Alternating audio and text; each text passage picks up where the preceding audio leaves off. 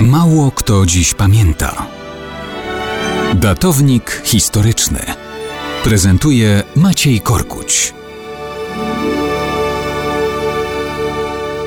Mało kto dziś pamięta, że jutro będzie rocznica 3 grudnia 1368 roku.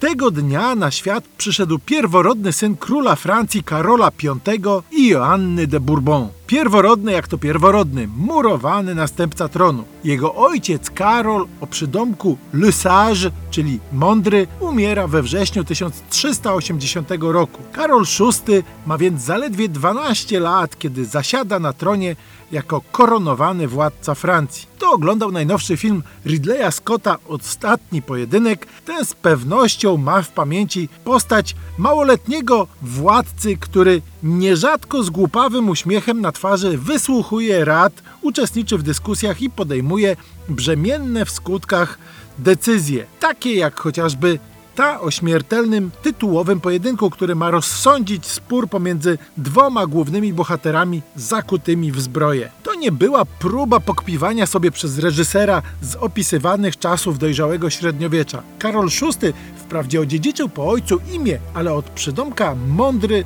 był jak najbardziej oddalony. W historii Francji występuje przede wszystkim pod życzliwym przydomkiem Bien-aimé, czyli Karol VI ukochany. Cóż, wszak pierworodny to i ukochany.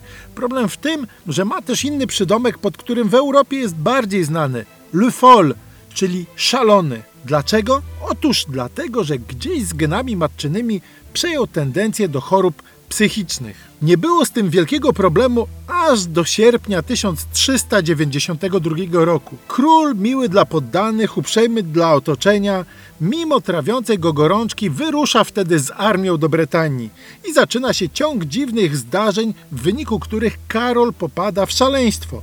Jest przekonany, że nie wolno go dotykać, bo cały jest ze szkła. Jeśli zostanie dotknięty, cały się rozsypie. I tak mu zostanie aż do śmierci, 30 lat później. Ridley Scott o tym nie opowiada, ale film jest i tak doskonały.